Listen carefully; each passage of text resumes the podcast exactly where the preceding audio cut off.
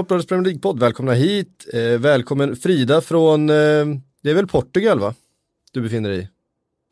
Eh, ja, jag tror det. Ja, jag tror det. Att jag inte har koll är ju en sak, men att du inte har koll vart du befinner dig, det, det, det, är lite mer oroväckande. Ja, men ja, man blir lite förvirrad. Men det stämmer, jag sitter på eh, Algarve-kusten, heter Ja. det väl? Just det, precis. Och Man kan ha det sämre. Kalle Ja, Karlsson, du är i Västerås. Du ska inte klaga du heller. Ja, nej, jag klagar inte. Nej. Men Algarve är ju Algarve. Ja, precis. Det är, alltså Västerås är många saker, men det är inte liksom en solkust. Nej, det kan man inte påstå. Har ni fint väder Frida? Eh, ja, solen skiner faktiskt. Så att eh, jag ska väl sluta prata om detta nu. Ja, är, det, är, det, är, det, är det coronahets nere i södra Portugal? Eh, Nej. som det är på alla andra håll. Det är inte det. De har en lite sån, alltså portugiser och spanjorer har en lite sån mer laissez-faire inställning till saker, har en känsla av. Italienare Ja, men också, tror inte- eh, men just nu så har de inte riktigt råd med det. Men det är ju skönt att höra i alla fall, med tanke på att ni är många som är samlade och som eh, eh, lever tätt när det är eh, landslagssamlingar på det där sättet. Ja, ab- absolut. Eh, vi ska ta oss an helgens fotboll såklart. Eh, tänkte vi skulle göra det här lite som vi brukar faktiskt, i en omvänd kronologisk ordning. Att vi börjar väl med det som hände allra senast. De har en tendens att lägga helgens stormatch också ju, sist på söndagar, eh, så det blir liksom naturligt. Den här söndagen var det inget mindre då än Manchester-derbyt på Old Trafford. Manchester United mot Manchester City 2-0.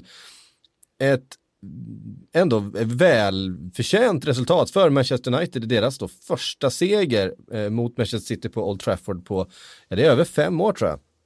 Eh, Frida, vill du börja ta oss igenom händelserna på Old Trafford? Ja, eh, nej men absolut. Det var, ju, det var ju rätt mycket som hände tyckte jag. Eh, det, för det första var det ju ett väldigt kul derby att, att kolla på. Eh, alltså otroligt eh, underhållande. Um, och det går ju inte att komma ifrån att Bruno Fernandes, att han, han gör ju uh, otroligt stor skillnad uh, och har gjort på väldigt kort tid. Um, det är ju faktiskt ganska eh, fantastiskt. Jag, jag förväntade mig i alla fall inte att han skulle gå in och kunna avgöra matcher på, på det sättet. Lite på egen hand. För att det är ju typ det han gör här när United eh, eh, lyckas liksom eh, hålla nollan där i början när City ändå liksom trycker på lite grann och sen så får de den här eh, chansen då eller frisparken som eh, Fernandes bara chippar lite lätt fram till Martial som drar till direkt och eh, ja, det är väl klart att Ederson borde kanske göra det bättre men det var ju en otroligt bra variant. Eh, i alla fall. Och sen känns det liksom som att Alltså visst, det är väl klart att City har mycket boll och sådär och, och passar runt men jag tycker aldrig det känns riktigt som att de kommer vända på resultatet. Alltså United verkar eh, spela med ganska mycket självförtroende och, um, och verkar liksom ha, ha ganska bra koll på vad som händer ändå. Jag tycker det blir bättre när Mares kommer in Eh, så att Foden flyttar in centralt på mittfältet. Det, är, jag vet inte, det, det känns ändå som att Foden är bättre i den positionen. Men eh, i övrigt så, så tycker jag att United gör ju en jättebra match från, från början till slut. Och ja, visst, de har inte jättemycket boll men å andra sidan så, eh, nej men de, de, de City är ju ganska ofarliga överlag. Eh, Och sen så får ju Scott McTominay göra den där, eh, det där 2-0 målet när Ederson eh, kastar ut eh, bollen lite galet. Men, men då var ju matchen redan Alltså man död. älskar sådana mål. Man älskar ju sådana mål. Ja det gör man kanske. Ja, det var men det- lite Ola Toivonen över det. Inte eh, liksom, eh, lika långt avstånd, men det är ju samma typ av princip. Absolut. Alltså det finns någonting som jag verkligen eh, gillar i att när ett misstag blir så, så här, brutalt straffat, även om det är liksom en bit upp i plan, det är en sak, man, man tappar bollen mellan, mellan benen som målvakt, alltså man gör en, en sån där tavla.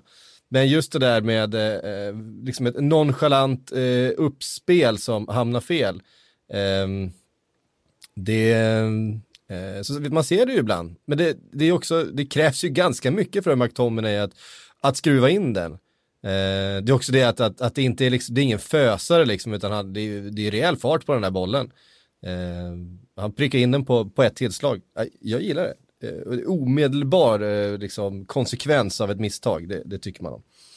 Ehm, men som sagt, ett Manchester United som höll sig till matchplanen, en matchplan som vi ju förväntade oss. Det är ju det här som Ole Gunnars United är bra på. Vi har ju sett dem göra det riktigt bra mot, mot eh, topp 6. Det tror jag det bara är Liverpool i ligan som har bättre resultat mot topp 6-klubbarna än, än, Manchester United den här säsongen. Eh, det säger ju ändå något om ett lag vi, vi har skällt en del på som eh, såklart eh, ännu inte då riktigt befinner sig där de eh, vill vara. Men eh, mot just det här motståndet, mot just den, i just den här typen av matcher så fungerar det väldigt bra. Eh, en del röster om att eh, ja, man spelar tråkigt, att det är för defensivt, att det är inte Manchester United. Kalle, i det här läget så handlar det väl bara om tre poäng, eller hur? Ja, absolut. Alltså, eh, man får titta titta på vad man har för plats i hierarkin och, och så vidare. Och den platsen har ju för Manchester Uniteds del förändrats ganska kraftigt de senaste åren. Och ibland är det som att omvärlden är, ja, den är lite trög när det gäller att ändra synen på det. Det var ju samma sak egentligen som med Liverpool där under de där åren när Roy Hodgson var tränare och sådär. Alltså, så kanske man tycker att ja, men Liverpool, det är Liverpool, de borde vara bättre och så vidare. Men tittar man på materialet och sådär, så de, de är inte bättre eh, under den, de åren. Och samma sak med Manchester United nu. Det är klart de inte kan...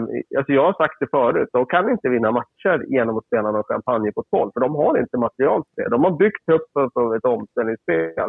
Och de har absolut inga kvaliteter för att vara Barcelona eller Manchester City. Inte i närheten. Däremot nu så har de ju eh, adderat Bruno Fernandes till ett lag som även tidigare kunde, dels tack vare eh, rätt faktiska dispositioner mot bra motstånd. Jag tycker de har, ofta har rätt matchplaner mot, när de möter de riktigt bra lagen. Det såg man ju förra våren också när de oh, gick vidare i Champions League där mot PSG och de vann ju flera toppmatcher då också under Ole Gunnars smekmånader där i början också. Att de, jag tycker att de, de är rätt bra på, på pressspel och försvarsspel och hitta rätt i, alltså i, i pressen. Eh, däremot så är det klart att det saknas lite fortfarande när det handlar om när de möter de sämre lagen. Då, då går det inte riktigt på automatik. Samtidigt så, som sagt, nu har Bruno Fernandes kommit in och förändrat eh, lagets lagstyrka offensivt radikalt. Så känslan är ändå att möter de, låt säga Burnley eh, idag, så eh, kan de ju vinna på ett annat sätt med Bruno Fernandes. Han kan eh, skapa det där målet från, eh, från ingenting. En kvalitet som jag inte tycker de hade på det sättet innan. Ja, det är ju Pogba som har de kvaliteterna, men han har ju visat dem väldigt sällan i Manchester United. Han har visat sig väldigt sällan i Manchester United överhuvudtaget den här säsongen. Ja, så kan man också säga. Ehm. Eh, så att, eh, ja, det, det, jag tycker att det är intressant nu, för det man kan säga också om Solskjaer det är ju att han har ju faktiskt eh, vågat släppa fram många unga spelare. Eh, och de har ju fått viktig erfarenhet nu. Och eh, nu har de för första gången, tycker jag, Spencer Alex egentligen lämnade, adderat en offensiv spelare som är, ger dem odiskutabel kvalitet kombinerat med ett hjärta också. För fan, det är nästan det mest imponerande med Bruno Fernandes, det är att han springer ju också. Mm. Han har ju inte bara den där kvaliteten att han kan chippa fram den till Martial på en, på en död boll med jättebra känsla i foten, utan han springer i pressspelet, han tar jobbet hem, han springer i omställningarna för att vara på plats i boxen. Och den, eh, den grejen får man inte underskatta. Di Maria, Eh, Pogba, de där spelarna, de har ju visat ögonblicksverk också av absolut världsklass. Men de har ju aldrig spelat för klubbmärket. Eh, och det tycker jag Bruno Fernandes hittills gör. Och det sänder ju rätt signaler till laget eh, de andra spelarna och så vidare. Det, är ingen som har någon, liksom ser att det är någon stjärna som har någon räkmacka. Utan det gör ju att de andra spelarna är beredda att ta ett ännu hårdare jobb för att ja, täcka upp för Bruno Fernandes. För de vet ju att han har kvaliteter för att avgöra matcher. Det, det var ju rätt intressant då när de eh, liksom la själva värvningen på is under sommaren. Så kom det ju uppgifter om att anledningen till att de inte liksom ansträngde sig ännu mer för att få Fernandes eh, direkt då var för att han hade för, eh, för dålig passningsprocent. Um, och, och, och det, det, var liksom säkra uppgifter, alltså det var för folk som, som brukar ha god insyn i klubben.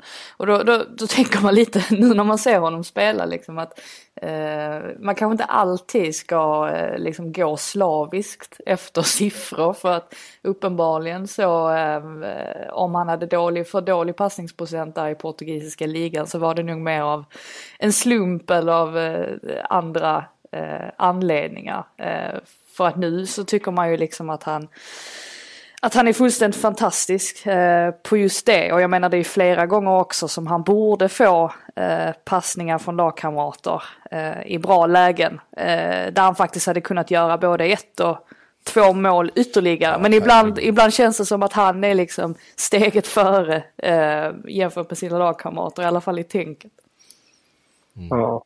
Samtidigt det där med, med siffrorna där. Jag, jag, såg någon som skrev om just hans passningsprocent i den här matchen. Nu kommer jag inte ihåg siffran exakt, men det var att det var inte så himla imponerande i den här matchen heller. Han tog bort en del passningar, men just det där. Jag tycker det handlar mer om att man måste alltid utvärdera eh, siffror, analysera dem på rätt sätt. Ja. Han ja. kanske inte ska ha så hög passningsprocent. Han hade 79 procent i gårdagens match igen. Eh, utan han kanske ska få ha lite högre felprocent för att han ska vara den som ska slå fram den avgörande passningen. Han måste få misslyckas ibland. Och mm.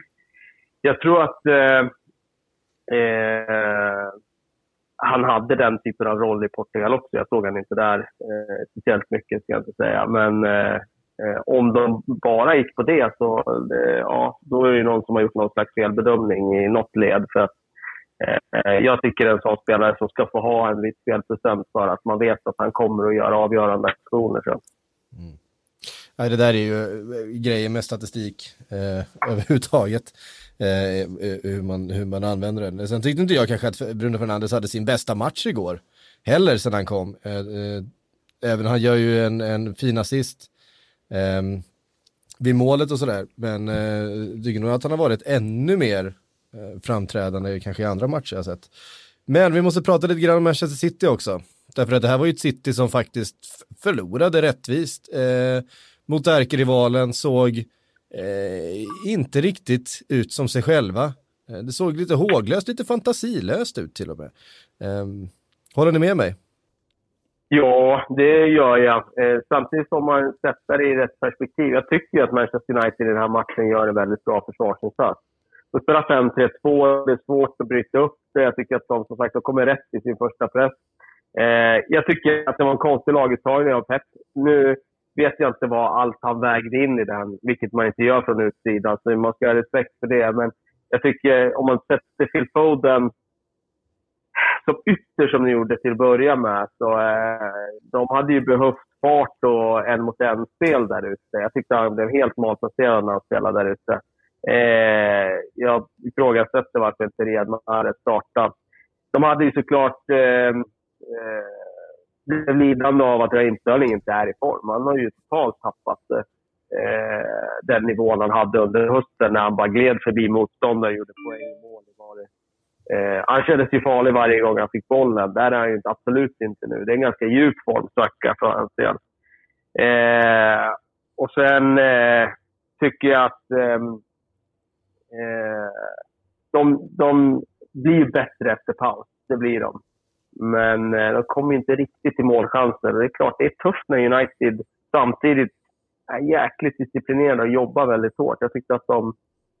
Igår var det mer att United gjorde det väldigt bra försvarsmässigt än att City var så katastrofalt dåliga.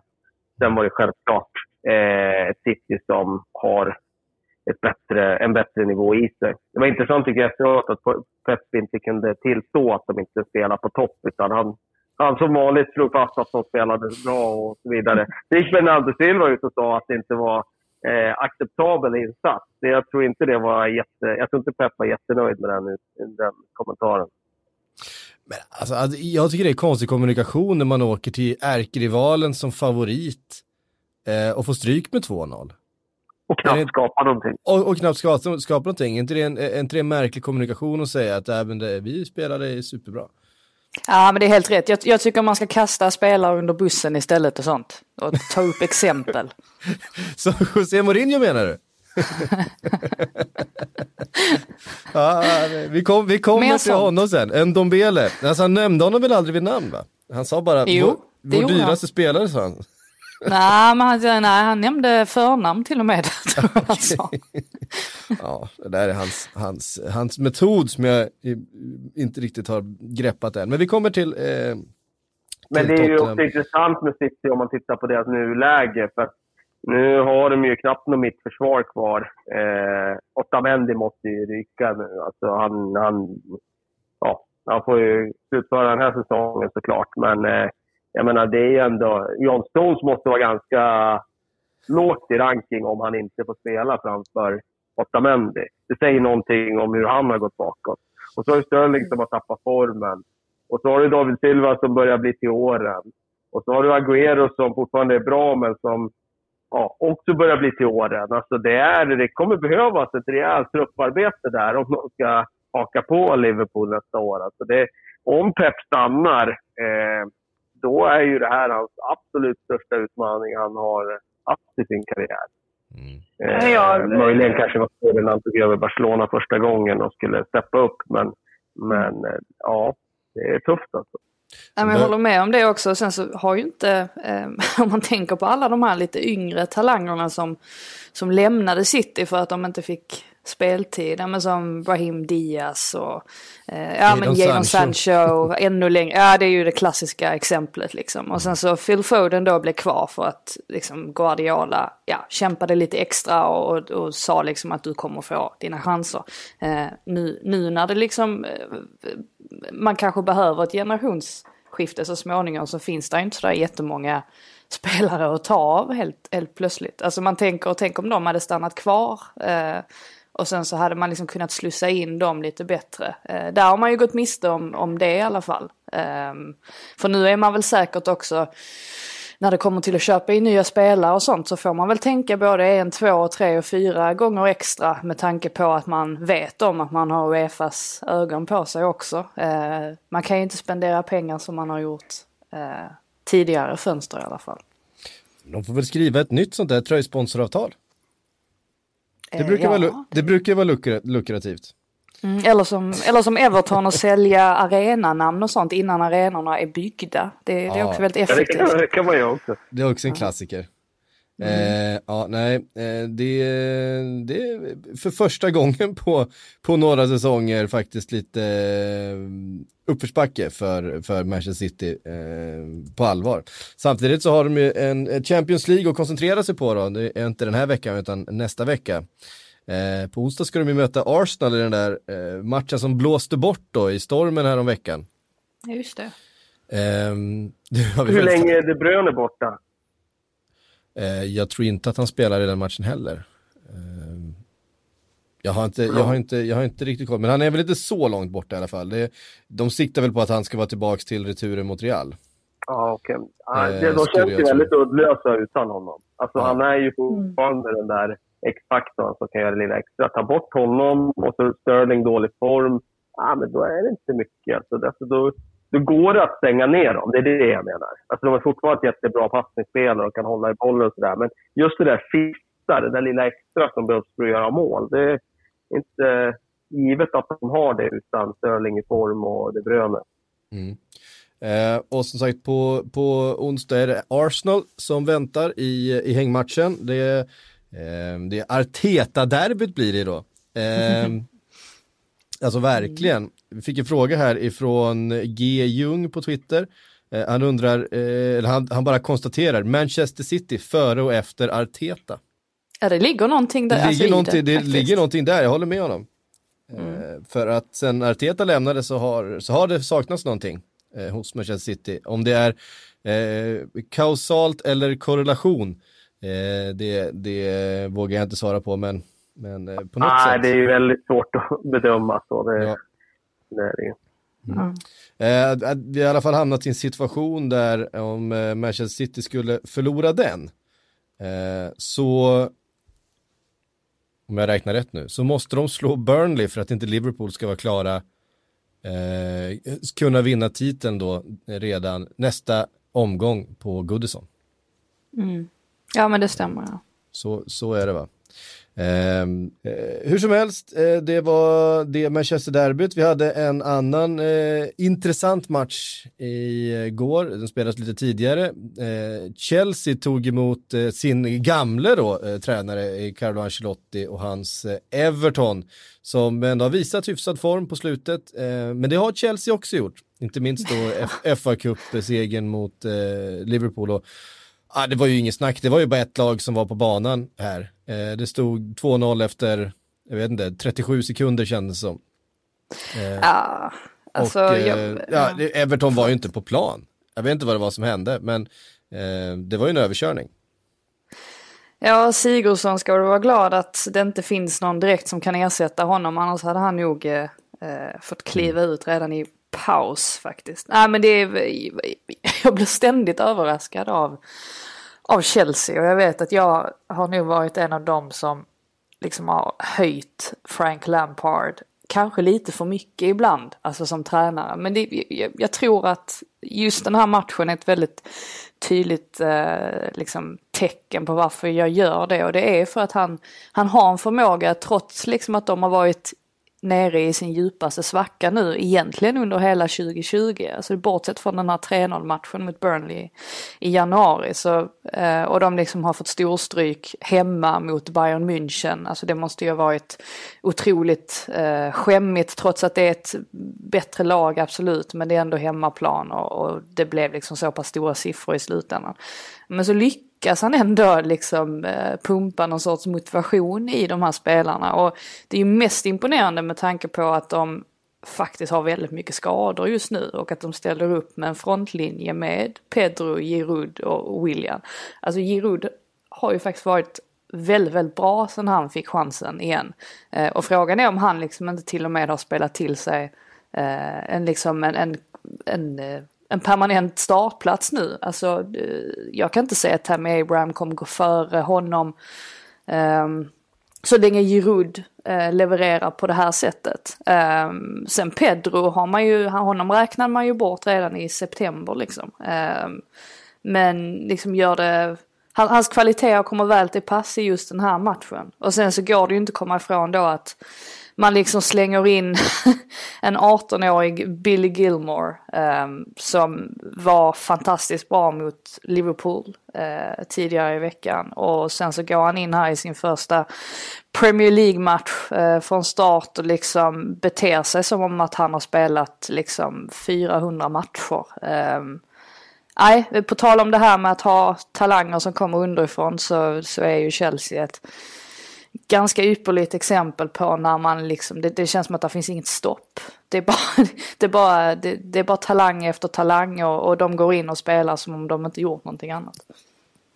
Nej, eh, det var en eh, verkligen imponerande match. Jag skulle säga att eh, en av de bästa matcherna jag har sett med Chelsea på hela den här säsongen eh, faktiskt. Och då, då gör man det ju ändå utan, alltså gör man det med, med en anfallstrio med en snittålder en bit över 30 en, ja. en anfallstrio som man på något sätt har liksom så räknat bort och dömt ut. Och, ja men Pedro, visst han kan väl vara, han kan väl vara nyttig i vissa stunder. Eh, Giroud, kommer han överhuvudtaget få spela mer den här säsongen? William, vart ska han egentligen?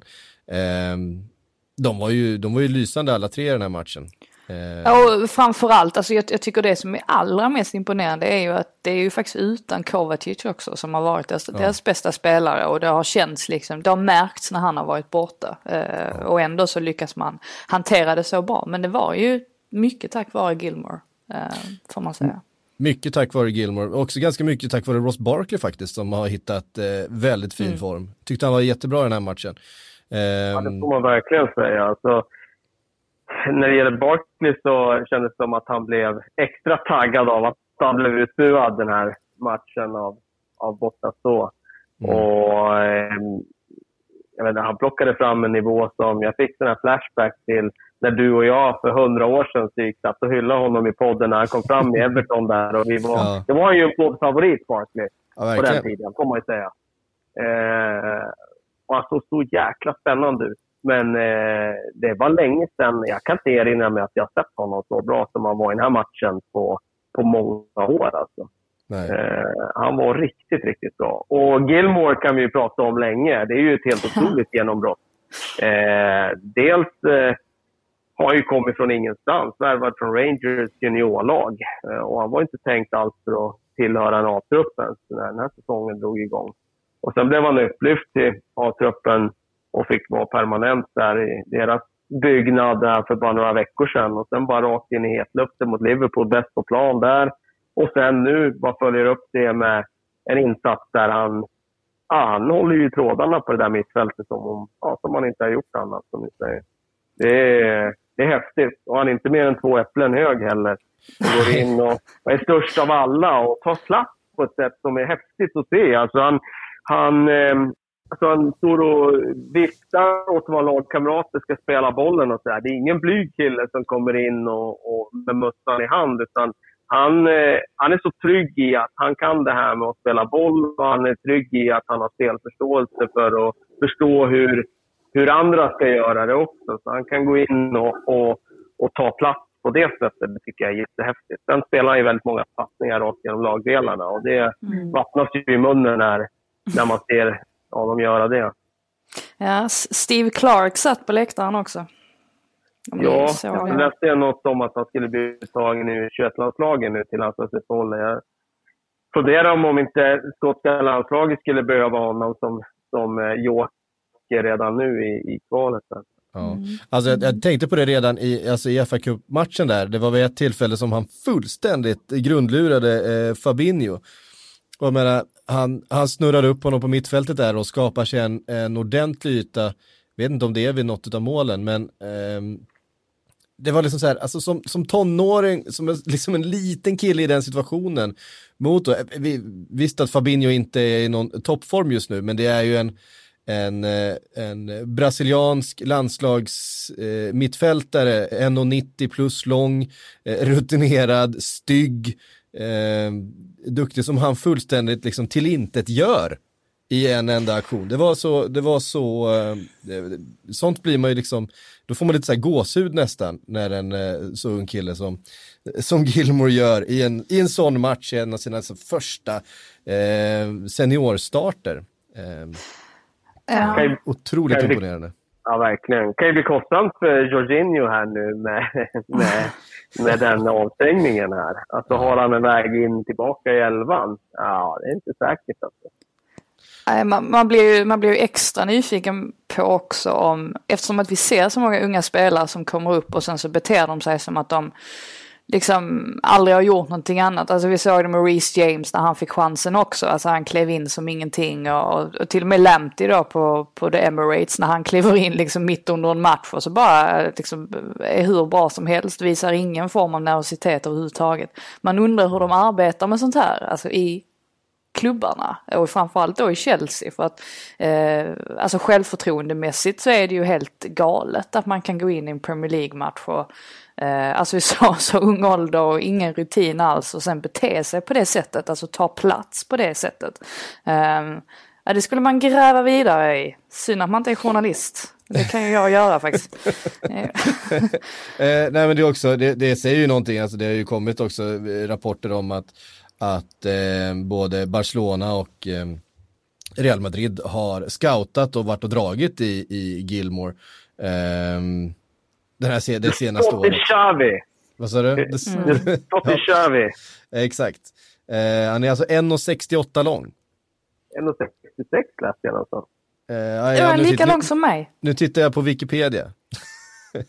ja, men Vicky, Vicky är bra på klubbhistorik, men eh, Längd inte... vet jag inte om jag lägger hela min trovärdighet hos Wikipedia. Jag ska kolla upp det här. Men det är en väldigt bra längd kan jag meddela. det, du, du, tycker det? Man ser bra härifrån. Ja, eh, det är en... Eh, det är ingen stor kille i alla fall. Nej, men det är lite det jag menar då när 191 ja, centimeter... Kör, kör 170 eh, centimeter. Så han var tydligen längre än vad min uppgift var. Men ja, skitsamma. Han är där i krokarna. Mm. Det var en rolig intervju i alla fall när han stod bredvid Giroud eh, i matchintervjun efteråt. Det såg, det såg ganska roligt ut, det får man säga. Ja. Eh, kan, han och Kanté skulle då potentiellt kunna bilda ett av de kortaste liksom så centrala defensiva mitt, eller, mittfältsparen. Om de skulle ställa upp en 4-2-3-1. Eh, Gilmore och Kanté, och inte göra bort sig heller. Eh, Nej, de skulle nog kunna vara ganska bra komplement till, till ja. tillsammans där. Så en som springer och, och vinner boll och en som fördelar den. Det känns som en ganska bra balans, trots som du säger, det är inte det längsta mittfältet. Det gäller Nej. att bollen inte är i luften i den matchen. Precis. Eh, det kanske inte, kanske inte är alternativet mot typ Sheffield United. Eh, som väl knappt har, knappt har en spelare under 1,85. Eh, blir, blir tufft. Ja, imponerande av eh, Chelsea i alla fall som eh, tar ganska viktiga poäng då i att hålla, hålla borta lag som Manchester United och eh, så om de där topplaceringarna. Vi kan ju säga något, där, bara något ord om Everton. De var ju faktiskt riktigt risiga i den här matchen. Ja. Och det var ju lite synd, för de har ju gått bra här. Ja, de har gjort några bra insatser här Everton, men det är som att ibland så bara faller de igenom och mm dippar jäkligt lågt. Framförallt när det handlar om bortaplan mot eh, bättre lag. Det är som att eh, grunder i försvarsspel satt inte i den här matchen. Nej. Så, de tillåter eh, Chelsea och Gilmore i synnerhet att bara spela rakt igenom dem, gång på gång på gång. Och liksom, de åtgärdar inte alls. Det var, nej, det var, det var ingen bra, bra insats alls. Nej. Eh, nej, det var det sannerligen inte. Det var, det var som du var inne på där Frida, att Sigurdsson jag vet inte vart, vart han var någonstans i den här matchen. Han var så dålig. Mm. Och det är inte första matchen heller. Alltså, han har ju faktiskt varit ganska... Nej. Flexibility is great. That's why there's yoga. Flexibility for your insurance coverage is great too. That's why there's United Healthcare Insurance Plans. Underwritten by Golden Rule Insurance Company, United Healthcare Insurance Plans offer flexible, budget friendly coverage for medical, vision, dental, and more. One of these plans may be right for you if you're, say, between jobs, coming off your parents' plan, turning a side hustle into a full hustle, or even missed open enrollment. Want more flexibility? Find out more about United Healthcare Insurance Plans at uh1.com. Chelsea befäster sin fjärde plats då, eh, jagad utav United såklart och eh, Wolves och Sheffield United där strax bakom. Ett lag som eh, hade hoppats på att hänga på det gänget också, men som befinner sig ytterligare ett, poäng, ett par poäng bakom är ju Tottenham som eh, drog till Burnley eh, och eh, ja, blev ju egentligen överkörda, i alla fall första 45. Eh, kunde ju stått både 2 och 3-0 till Burnley efter den eh, halvleken kändes det som. Och, eh, jag vet inte, alltså José Mourinho eh, är mycket, men, men diplomat är han ju inte liksom. Det, det vet vi. Vi, vi nämnde det lite tidigare här, eh, en Dombele. Det var Ndombeles tur att kastas under bussen om man säger så. Eh, han har ju tidigare kastat både Eric Dyer och Deli Alli under den där bussen. Eh, nu är det Ndombeles tur. Eh, ja, det är ju så här han, det är ju så här han gör. Eh, ni får uppdatera mig på den, för jag hade ju match där i lördags. Jag var inte riktigt med på Tottenham-Burnley-fighten där. Eh, berätta gärna lite mer om ni såg den fighten och vad mm. som mm. efterspelet var. Jag, jag såg bara Erik Nivas tweet och förstod jag att han var inte nöjd med insatsen. Nej, alltså första halvleken var verkligen inte bra. Det var, eh, men det var det där alltså, typiska, liksom, tunga, svårspelade Burnley. Eh, tryckte ner eh, Tottenham med skorna. Tottenham såg liksom inte ut som de hade en ordentlig matchplan för att hantera det. Och, och mm, när Chris Wood då trycker in eh, 1-0 så har de redan, redan haft en bra målchans, eh, Burnley. och, och Eh, nej men dominerar som sagt matchen eh, helt och hållet. Sen gör eh, Mourinho två byten i halvtid, eh, tar ut en Dombele i halvtid och stoppar in Lo Celso. Eh, tar också ut Oliver Skip och stoppar in eh, Lucas Mora. Eh, och eh, de fick ju lite effekt på det, det var inte samma eh, det var inte samma eh, liksom Burnley tryck då i, i, i andra halvlek utan de fick tillbaka lite spel Spurs. Sen så får de ju en så jävla billig straff. Alltså det är ju Ben Mi, jag vet inte vad han pysslar med riktigt. Uh, han är ju inte nära att ta bollen, han är ju där i situation, alltså ja. Uh, ni har säkert sett det allihop, uh, om ni inte såg matchen säkert i någon highlights. Det var, det var en gratis straff. Det var inte, den var inte felaktig på något sätt, absolut inte. Den var helt, helt korrekt, men Eh, ben Mi får helt enkelt ta på sig den eh, och Dele Alli rullar in då 1-1 som blir slutresultatet. Eh, ganska så här stökig andra halvlek, det var väl väldigt mycket gula kort också. Eh, vill jag minnas. Eh, men annars, ja, inte mycket att skriva hem om för, för Spurs. Och, eh, Vad tror ni då? Om Daniel Levy skulle få chansen nu och bara köra en eh, äpple Z som man säger på dataspråk här och, och kör en ångra på sitt tränarskifte här. Eh, skulle han ta den då? Alltså, det beror lite, för jag tror att hela anledningen till att, att eh, Levi anställde Mourinho från början, det var väl antagligen för att han han insåg att det, det kommer liksom ske en, en, stor förändring i Tottenhams tränartrupp och, och ska man liksom få ut maximalt av det här gänget som har varit så framgångsrika, alltså en sista, eh, en sista framgång. Eh, då är José Mourinho ett väldigt bra val för att han, han är känd för att eh, eh kunna få effekt, alltså ganska kortsiktigt sett, eh, innan det liksom börjar rämna till slut. Men nu har han inte riktigt fått det och, och det, det, får man ju säga att där är ju skador såklart spelat in, alltså det går inte att komma ifrån, även om Mourinho är väldigt noga med att påpeka det liksom varje presskonferens. Ehm, men och jag måste säga att det här han står och säger om en Dombele efteråt, alltså att han tycker att en Dombele har haft enough time to be uh, at a different level now. Uh, he has to give us more than what he is giving us. Alltså på, på ett sätt så kan jag ju hålla med honom.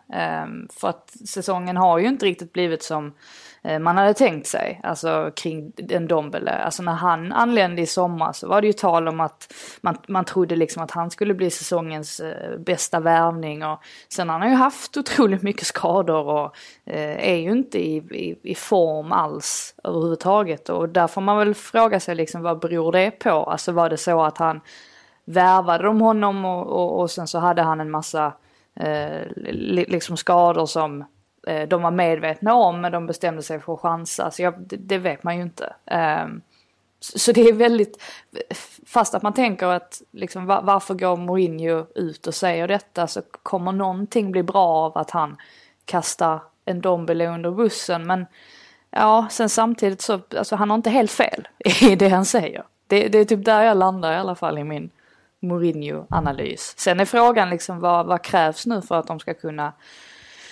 kunna vända det här så kommer de liksom ta sig upp ur svackan. För det är ju väldigt lätt med Mourinho att man hamnar i en svacka så tar man sig aldrig upp därifrån. Och sen så liksom blir det så utdraget och sen till slut får han lämna liksom under eh, liksom märkliga omständigheter. Men äh, de, de behöver kanske få tillbaka någon någon spelare först och främst. Eh, för just nu så ser det ju onekligen jobbigt ut.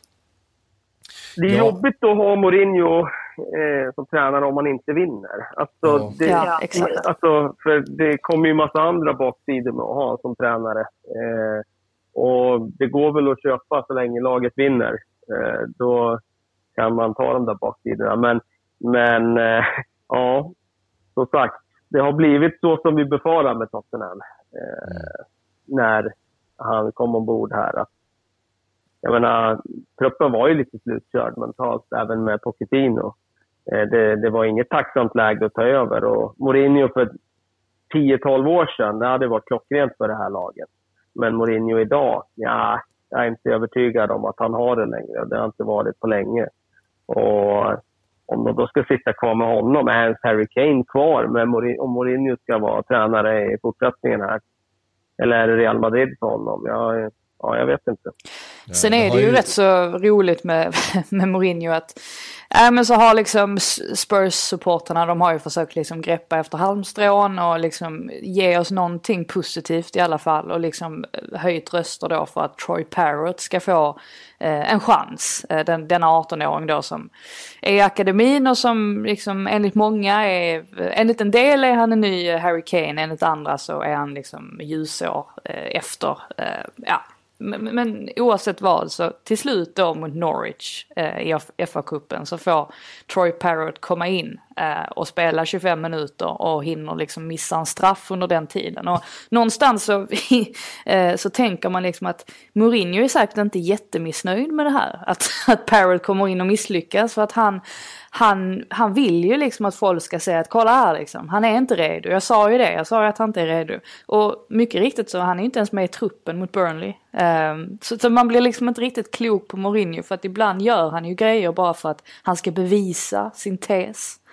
Det finns en fantastisk story om det där som jag fiskade upp. Det här, nu går vi så otroligt långt tillbaka i tiden här, men när jag var lokaltidningsreporter på VLC så skrev jag om José Mourinho. Det här var alltså då när han tog över Chelsea. Det här var alltså sommar 2004. Då hade jag varit på resa i England. På den här tiden fanns det inte webbsajter och sådär som man kunde liksom läsa och internationella sajter. Det, på den tiden fick man göra grundjobbet. Jag hade varit på, i England då på våren, så jag hade köpt en Daily Mail. Och där var det en lång artikel med José Mourinho. Där eh, det fanns en anekdot från hans tid i Benfica där han tränade den gamla tjeckiska legendaren Karel Poborski. Han hade mm. klagat över för lite speltid. Då hade Mourinho eh, tagit in honom på kontoret, eh, satt sig vid skrivbordet, lagt upp fötterna på skrivbordet och sagt okej, okay, du är boss nu. Du får bestämma. Vad är det, liksom, vad är det du vill? Ja, men då sa vi på Borski att Nej, men jag vill spela den här positionen och det är liksom, eh, ja, jag vill få chansen. Ja, okej, okay. sa Mourinho. Nästa match. Poborski eh, in i elvan. Nummer 10 position. Den, den positionen han ville ha. Och sen eh, bytte han ut honom efter 22 minuter typ. Eh, och så sa han, eh, du fick chansen, du visade ingenting, nu är jag boss igen jag skrev om den där anekdoten då, i VT för några år sedan. Jag hittade den, nu när jag skulle flytta här till Västerås, så hittade jag en gammal låda med det så här, när man klippt ut. På den tiden eh, papperstidningen var det viktiga. Då klippte man ut vissa artiklar som man hade skrivit. Och då hittade jag den där gamla artikeln. Jag kanske ska publicera den på något sätt i, eh, på Instagram eller något sånt där. Ja, Tycker jag. Fundera ja. på det. Så får, uh, ja, alltså han... På vår han... anekdoten. Han kunde konsten att knäcka en kille redan då.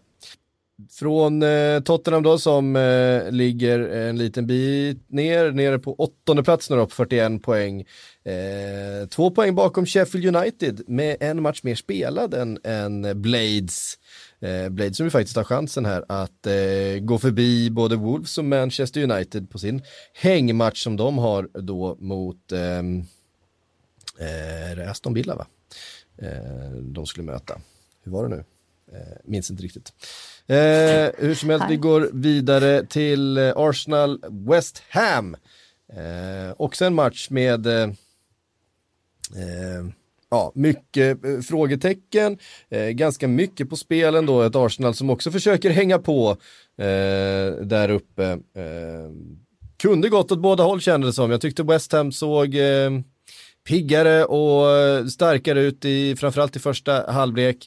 Men eh, eh, ja, skapade också ganska mycket chanser. Men det här är ju två lag som har ganska svårt i, i, i försvaret. Eh, Pablo Maria har kommit in för Arsenal, såg eh, bra ut även om eh, West Ham ju skulle stoppat in någon av alla de här chanserna som de, som de lyckades skapa. Det är ju liksom, Michael Antonio är ju eh, när han inte sätter sina chanser, då, då blir han ju lite ett problem. Eh, eftersom han eh, saknar en del i övrigt på planen. Eh, men han, han ställde ju till ganska stora problem för, för eh, Arsenals backlinje med sin, liksom bara sin, ah, som han gör ju, med sin fysik, eh, med sin snabbhet och med sin styrka och att han hela tiden springer på allt och river och sliter och någon slags funktionell teknik där, där inne men eh, han skulle ju satt någon av dem eh, chanserna. Detsamma gäller faktiskt Sebastian Allaire. Eh, istället så kunde Arsenal, som också ska man säga skapade en hel del, West Ham har ju otroligt svårt att hålla tätt bakåt. Eh, till slut då genom Lacazette sätta eh, matchens enda mål. Eh, viktigt för Arsenal eh, som ändå har chansen, eh, med också bara 28 spelade matcher då, har möjligheten att om de skulle besegra City i sin hängmatch då gå upp på samma poäng som eh, som Wolves och Blades då som är närmast jagande bakom Manchester United om den där eventuellt eh, Champions League-givande femteplatsen och det vet vi inte riktigt än. Jag, skulle, jag räknar inte bort Arsenal från den platsen. Det, de kommer med fart underifrån nu. Mm. Jag vet, de, vad är det sex raka de har nu utan förlust? Mm. Mm. Och visst, de har kryssat lite för mycket matcher, det är ingen tvekan om det. Men känslan är att kurvan pekar uppåt där för dem. Alltså. Och det, eh, Ja, ja, ja, jag tror att de blir supergiftiga nu när de kommer underifrån. Inget Europa att tänka på här nu under våren heller. Det måste Nej. vara mer än sex raka utan förlust. De har, ju, de har ju egentligen bara förlorat mot, alltså de har ju inte förlorat under 2020. Um, ehm, Olympiakos, räknar man bort den matchen då, alltså sett över alla turneringar, så har de ju inte förlorat sedan den 29 december. Mm. Ja, det är så till och med. Ja. ja. ja. Ehm, ja, precis. Vi kan räkna. En, två, tre, fyra, fem, sex, sju, åtta, nio. Nio raka matcher utan förlust. Det är sen den 29, 29, 29 december mot Chelsea. Den senaste förlusten eh, för Arsenal. Ja, det är imponerande. Eh, Jäkla prestigemöte där nu med tanke på det surret som är där nu med Arteta som har liksom fått påverkan på City, eventuellt. Ja, om det är eh, någon som om det är någon som känner till svagheterna i det här Manchester City så är det ju han. Ja, ja, Så är det verkligen. Um, och, och, det finns ju svagheter, vi har varit inne på Otamendi tidigare. Och med det anfallet, nu tycker jag Eh, Saka i den här matchen eh, gör ju ett par försvarstabbar som faktiskt leder till en del eh, par farliga målchanser för, för West Ham. Det är framförallt en jag tänker på. Men offensivt så, så bidrar han ju med så mycket fortfarande. Eh, otroligt svår att ta bollen från. Eh, och eh, en jävla eh, alltså, eh, precision i sina inspel. Ehm, hotade mycket och såklart Aubameyang och Eh, så kom ju Lacazette in då från, från bänken och avgjorde så att det finns väldigt mycket offensiv kraft i, eh, i Arsenal. Eh, minst sagt. Eh, Liverpool var i en eh, liten formsvacka, är väl kanske en liten formsvacka fortfarande. Eh, tänk att vi kallar detta för, alltså det är klart att det är en formsvacka men tänk att man liksom, det är en formsvacka att liksom förlora de, två matcher. Ja, de förlorade faktiskt tre matcher. Har, ja, eh, men det är tre olika turneringar, så att de sprider ja. ut, eh, eh, om man säger, eh, skadan lite grann. Eh, men eh, tillbaks då i vinnarsätet hemma mot Bournemouth. Och det var ju tacksamt i det här läget att få möta liksom, favoritmotståndet som man eh, har kört över i stort sett varenda gång man har mött de senaste åren. Och få göra det hemma på Anfield. Eh, blev ingen, ingen överkörning den här gången, men ändå en en, en rättvis seger till slut för, eh, för Liverpool får man ändå eh, säga, även om eh, Bournemouth skapade en del och fick ett tidigt och ja, omdiskuterat första mål, men, men viktigt tror jag för Liverpool inför den Champions League-returen mot Atletico att få, få vända det här resultatet hemma mot, mot Bournemouth och vinna den där matchen och känna att det, det, det fortfarande finns där. Sen ska sägas, vi var inne på Fabinho här, att han har sett eh, svag ut och det, det, har han ju verkligen gjort, gjorde han den här matchen också. Eh, var, var inte alls på tårna. Eh, Nej, vad har hänt där efter skada? Han har inte alls hamnat i fas. Nej, han har, han har inte, inte hittat tillbaka till, till spelet alls sen skadan. Eh, det är som att han, eh, det är lite, det som är lite typiskt, alltså det ska man ju säga att även före skadan när han var riktigt, riktigt bra Fabinho så eh, så missade han en del, alltså han är ju väldigt duktig i duellspelet och sådär, men han hamnar lite fel i positionsspelet då och då. Men då fanns en Jordan Henderson också på det mittfältet som har mer defensivt tänk och är mer defensivt påslagen än till exempel en Oxlade Chamberlain som spelar på den positionen nu. Så att det blir liksom mer, det blir mindre kostsamt med, med Fabinhos, liksom, eh, när han är uppe och stöter och han ska liksom upp i dueller och så vidare. Eh, eh, mindre kostsamt när, när Jordan Henderson också finns på planen, men nu när inte Jordan Henderson finns där eh, alls, så, så märks det att det kostar mer. Nu ska väl eh, Jordan Henderson vara i full träning igen och jag skulle inte bli förvånad om det faktiskt är Jordan Henderson som spelar eh, i den, eh, på den positionen mot eh, Atleti på onsdag faktiskt. Eh, om Klopp anser att det finns, att han, att han klarar av det eh, så tror jag att han mycket hellre ser, ser en Jordan Henderson i den eh, positionen. Eh, faktiskt. Den kommer vara väldigt viktig, den positionen, i just den matchen mot ett Atleti som vill ställa om då. Liverpool kommer ju ha otro otroligt mycket bollinnehav på Anfield mot ett eh, Atleti som bara behöver bevaka sin ledning, men omställningarna kommer ju komma och då blir ju den där defensiva mittfältaren otroligt viktig att han inte eh, går bort sig eh, i varken duell eller positionsspel då. Och det är precis det Fabinho har gjort den senaste tiden. Så jag tror att det finns ganska stora, stora möjligheter att, eh, att Jordan Henderson spelar där. Um, vi har fått en massa frågor. Mm. Jag vet inte om ni har någonting ni vill tillägga om, om uh, den matchen. Nej, men jag tänker att jag kanske ska avlägsna mig så att jag hinner. Just det. Uh, du hade lite, lite annat. Uh.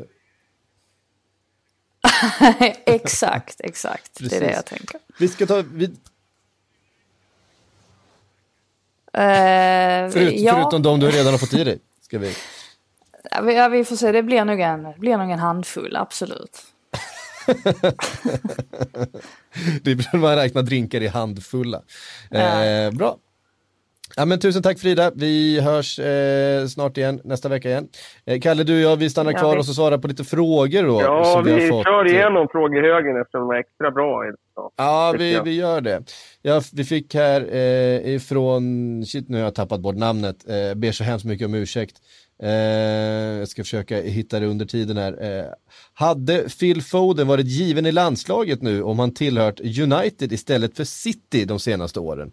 Tänker på att han, att han hade ja. haft eh, mångdubbelt med speltid i viktiga matcher.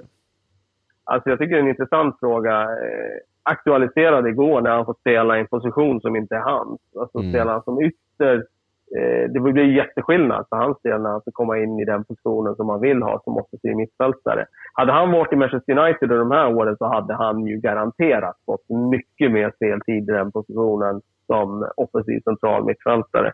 Och det finns ju inget som säger varför skulle inte han kunna fått det genombrottet som hans talang ändå vittnar om att han skulle kunna få. Eh, det är svårt att få det genombrottet eh, under de här åren i City, för han har ju knappt spelat som sagt. Så det går inte att utesluta att han hade exploderat på det sättet som, som eh, hans polare Jadon Sancho har gjort. Nej, precis. Eh, han, har ju en, han har ju fantastiska fötter, Phil Foden. Alltså det, var, eh, det var någon sån där sekvens som delades efter eh, eh var det FA-cupen eller något sådär när han spelade, där han visade prov på otrolig teknik och, och eh, hur mjuka fötter han har. Det var någon, någon nedtagning och någon dragning och någon pass och sådär som någon hade klippt ihop som var eh, magiska faktiskt. Det var, det var Niklas Wångblad som hade ställt frågan, eh, ska vi säga. Eh, eh, vi tar nästa då. Fan, nu hann vi inte fråga Frida om Sörlots otroliga utveckling i Trabzonspor. Ja, hon får en vecka till på sig att fundera över Ja, precis. Vi, vi, vi tar med oss den. Eh, Jonathan har frågat, eh, hur underskattad är Bernt Leno? Jag tycker han är underskattad. Jag har ju suttit i han på Bernt Leno-tåget rätt länge. Jag tycker jag, jag sa ju det, var det inte när vi snackade Arsenal där med Niva i när vi hade de här programmen. Då sa jag att mm. jag tycker att han är den bästa målvakten i Arsenal under 2000-talet i kamp med Lehmann. Niva ville ju hävda att Lehmann var, var betydligt bättre. Jag tycker möjligen att han var bättre, men inte mycket. Alltså. Jag, jag gillar Leno. Alltså. Jag tycker att han är bra. Alltså. Eh, och, eh, han hade ju matchavgörande räddning nu här mot West Ham. Ja, han var, han var väldigt bra i, i eh, helgen också. Han var ju en av anledningarna till att eh, West Ham inte lyckades göra någonting av de där chanserna som de Jag tänker på den där, framförallt den där på nicken där, när han ändå har en sidledsförflyttning mm. och, och uh, lyckas klara den. Uh, nej, jag tycker att han är bra. Mm. Uh, han, han är en sån där målvakt som, som, som de kan bygga vidare på. Mm. Jag håller det med. inga frågetecken där för mig. Nej, jag håller med. Han har haft en väldigt, väldigt bra, bra säsong. Eh, en av ligans bästa målvakter, absolut. Eh, William Karlsson undrar, kan Pablo Mari vara den vänsterfotade mittbacken som Arsenal så behövt? Eller kommer han skapa ett brasilianskt mittlås med David Luiz alla Brasilien-Tyskland? Vem var det som Ja, spelade det- David Luiz i den matchen? För Thiago Silva var väl avstängd? Brasilien-Tyskland.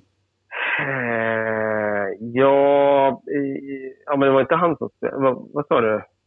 Thiago som Silva var väl avstängd i den matchen? Ja, eh, Neymar var i alla fall avstängd. Jag Ja, inte om Thiago Silva var det. Jag var får han kolla upp inte. det under tiden. Eh, Ja, skitsamma. Pablo, Pablo Mari i alla fall. ja. Eh, kan han vara den vänster, vänsterfotade mittbacken som Arsenal så behövt? Ja, man hoppas ju det i alla fall. Eh, jag, jag har sett honom för lite. Jag såg honom när vi gjorde den här eh, eh, sändningen där, Sportbladet, ja, klubblags-VM. Klubblags-VM, ja. Eh, och det, sen har inte jag sett honom så jäkla mycket så att jag kan säga att jag har exakt koll på honom. Tyvärr. Han tillhörde ju Manchester City i jättemånga år eh, utan att få spela någonting överhuvudtaget. Det känns som att Manchester City också hade behövt en vänsterfotad mittback just nu.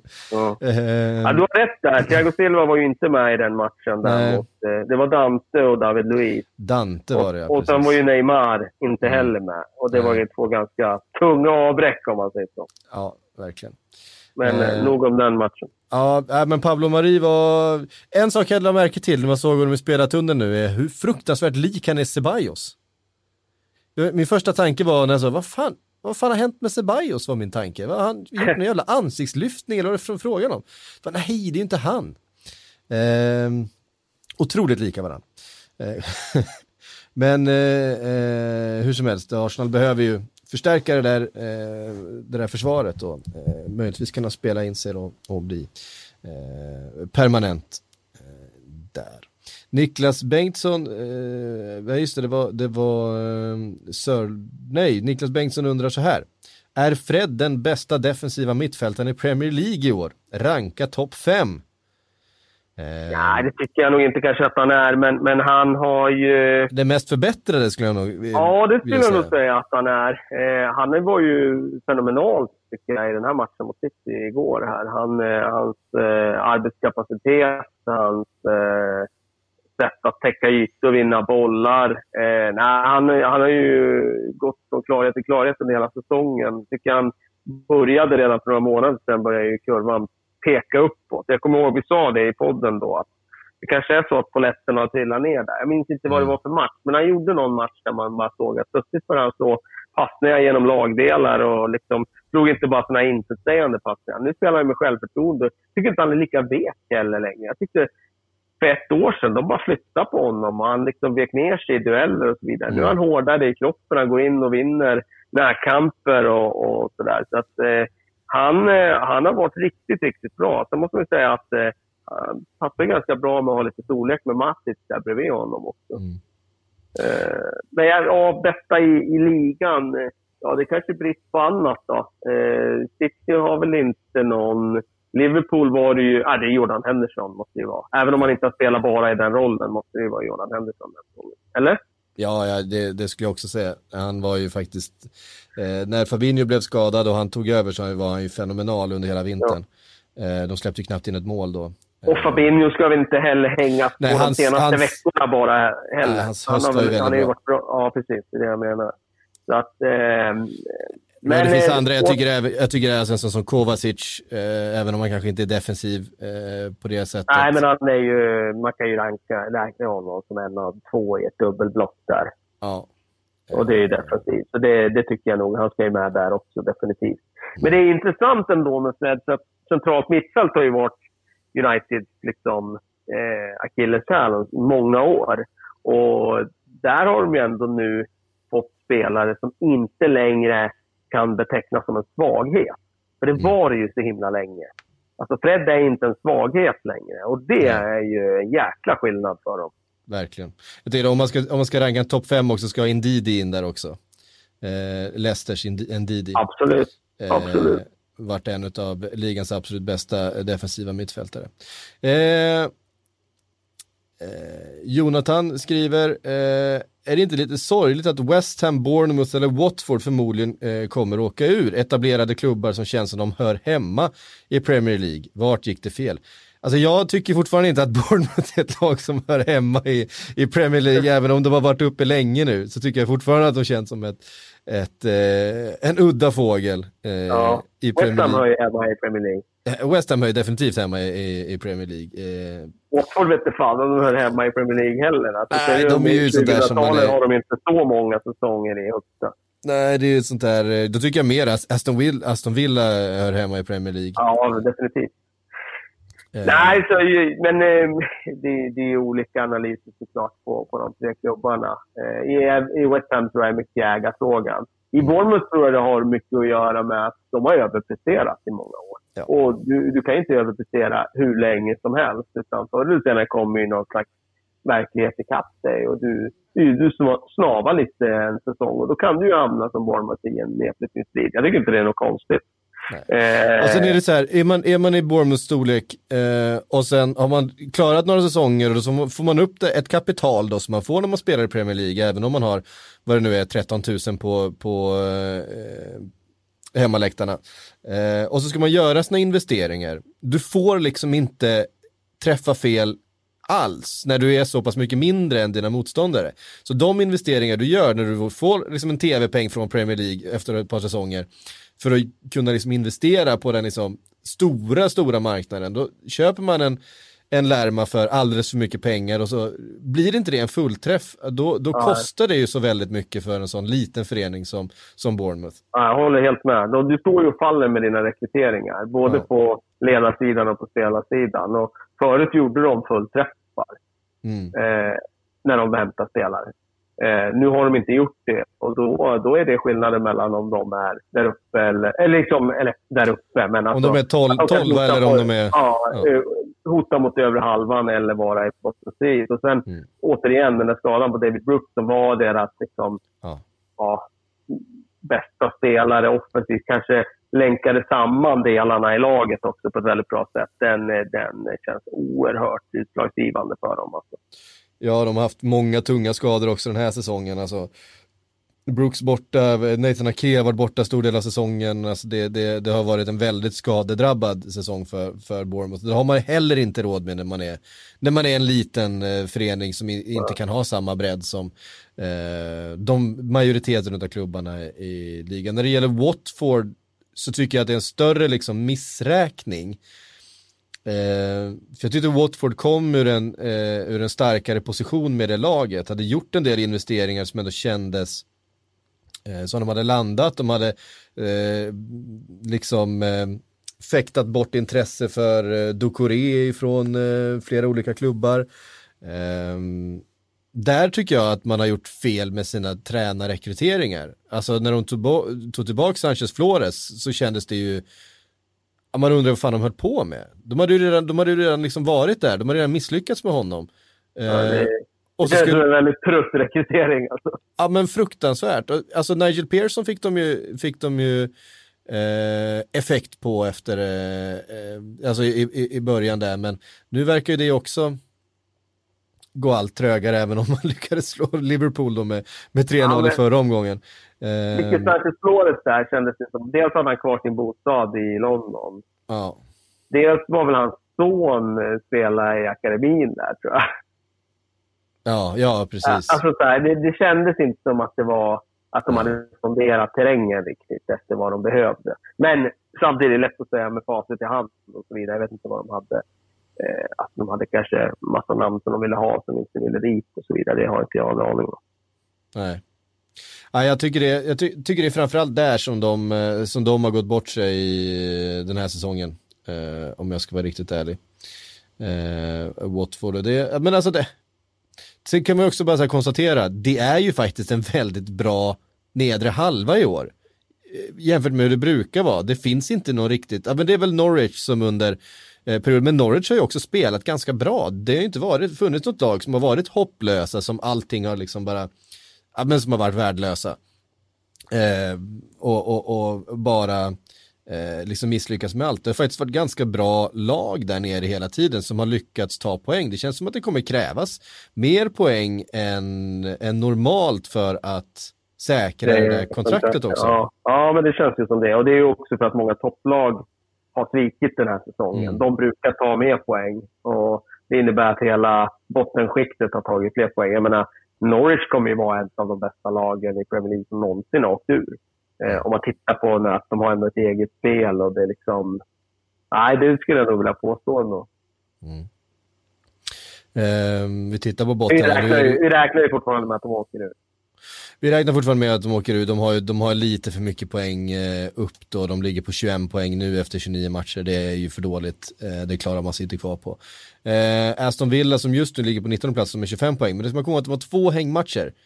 Eh, visserligen ganska tuffa matcher tror jag, men, men eh, de har två hängmatcher och ehm, vinner de en av dem då är de uppe på 28 poäng och tar sig förbi hela det där gänget med Bournemouth, Watford och West Ham som då ligger på 27 eh, och sen en poäng eh, bakom Brighton då, som ligger på 29 så det är ju de fem, eh, förlåt sex lagen i botten där. Sen är det ju eh, hopp på fem poäng upp till, till Southampton då på 34 poäng. Så de, de räknar jag inte eh, utan det är de sex lagen och jag ser fortfarande, jag tror att Norwich åker ut, men utav de fem lagen så skulle det faktiskt kunna bli vilka som helst utav de fem som hamnar på de, eh, de två platserna som, som åker ut då tillsammans med, med Norwich. Jag, jag har inte, räknar inte med att Brighton eh, kommer klara det här med, med någon slags eh, lätthet härifrån, utan de, Eh, ligger li enligt mig lika, lika illa till som, som de övriga i ja, den skalan.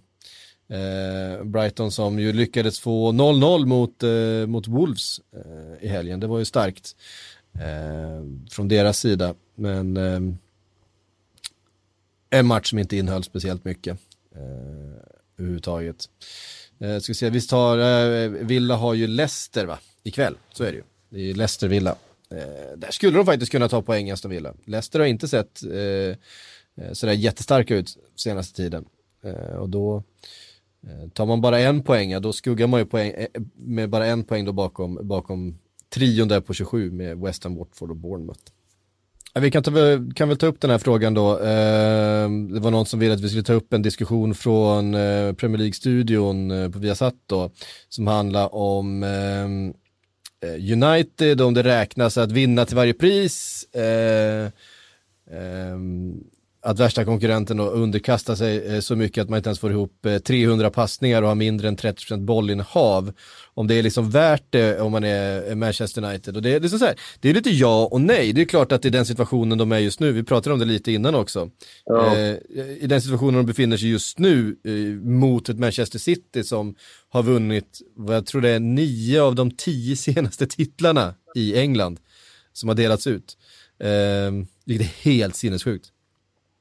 Ehm, så, eh, så är det klart att det måste vara okej. Okay. Men, men Old Trafford och den publiken är ju inte en publik som kommer nöja sig med eh, att ha ett lag som, som backar hem och spelar eh, bara omställningsfotboll och, och, inte har ett bollinnehav på, på 30% på hemmaplan i, eh, i alla matcher liksom på lång sikt. Det kommer det ju inte vara. Det är ju fortfarande en, en, eh, en eh, fotbollsförening som har en självbild av att vara en av, en av världens största och spela eh, en vacker fotboll som man ju alltid har gjort med, med fart och, och kvalitet. Ja, framförallt fart tycker jag. För om man tänker när Louis van Gaal tränade laget så var det ju väldigt mycket possession-spel. Alltså, då var man inte nöjd med det. Då ägde de ju bollinnehav i typ varje match. Men då skapar de ju inte chanser. Det var tempofattigt och så vidare. Så jag, jag tycker ändå inte... Om man tänker som om Trafford, det är ingen publik som kräver possession-siffror och liksom bollinnehav. Men de, de, vill ju, de kräver ju spel med fart och att det ska vara underhållande. Och det, mm. det tycker jag i och för sig att det var igår. För fotbollsmatchen som de spelade upp igår, även om de inte har bollen, så spelar de ju ändå underhållande med fart och tempo och skapar målchanser. Och det tror jag kommer krävas. Sen blir det ju inte så att de kommer kunna backa hem när de möter laget under halvan på, på hemmaplan. För det, det går ju inte eftersom de motståndarna kommer inte tillåta det. Eh, så det, eh, det, det blir automatiskt så att de kommer behöva gå framåt mer. Men det, det, är klart att det är en intressant diskussion att ha det där. Det finns ju några klubbar där, det, där man måste vinna snyggt. Om man tar Barcelona till exempel så har det varit en sån diskussion efter Ernesto Valverde där, där mm. man spelade på ett helt annat sätt än vad man är van med i Barcelona. Och man vann titeln i fjol. Och det finns väl eh, saker som talar för att de inte kommer vinna titeln den här säsongen. Eh, och då byter man till tränare som kanske känd i Setien som för att, att spela väldigt attraktiv fotboll. Men eh, eh, där, där är det ju en helt annan kravbild på det. Eh, så att, eh, ja, jag, jag, jag tycker där de är just nu, då, då kan man inte lägga någon vikt kring hur det ser ut. Nu handlar det bara för dem om att vinna matcher så att de säkert Champions League-spel. Sen är det underkastat vad underordnad betydelse av hur det, hur det går till. Ja, alltså om man supporter får välja så väljer man ju Champions League-spel överhuvudtaget för att det, det, spelas på ett speciellt sätt, så är det ju. Efter det som verkar vara tredje raka, allt snabbare utspårning, är Mourinho slut nu? Frågar eh, John Pekkari. Jag tyckte att den var ändå lite intressant utifrån att Eh, oh, vi har ju varit inne lite på Mourinho och så, men eh, redan efter förra sparkningen så ställde vi oss frågan vad kan José Mourinho få för nästa tränarjobb? Vilken klubb kommer att vilja ta i honom? Nu visade det sig att det blev inte så långt hopp neråt i hierarkin utan Tottenham hoppade på Mourinho-tåget. Vilket var överraskande för mig eh, mm. såklart. Och för många andra också säkert det blir ännu mer intressant nu då, återigen att ta upp den diskussionen kring om det nu slutar som det brukar sluta för José Mourinho nu för tiden. Att eh, vi, vi avslutar det här nu eh, här i sommar. Det blev inte som vi hade hoppats. Vi avslutar det här nu. Var hamnar han nästa gång? Ja. Alltså, vad, vem tar i honom då? Ingen kan ju rimligen från den övre hyllan vara intresserad. Och kan de vara det ens om man går på hylla två i butiken? Alltså de som ligger precis under de största. Nej, det är rimligen inte där heller. Nej. Nej, alltså det är det som är väldigt, jag menar, allting, allting, eh, inget varar ju för evigt heller liksom.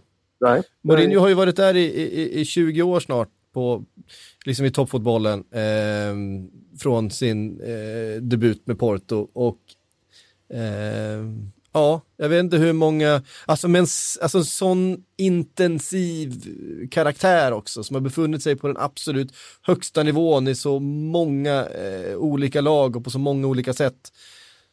Hur lång kan brintiden för en sån personlighet och för en sån gärning vara egentligen? Um, det jag, jag, jag är nog inne på, så jag tror, att, jag tror nog att det eh, vi inte, vi inte får se Mourinho i, i någon av storklubbarna eh, något mer framöver.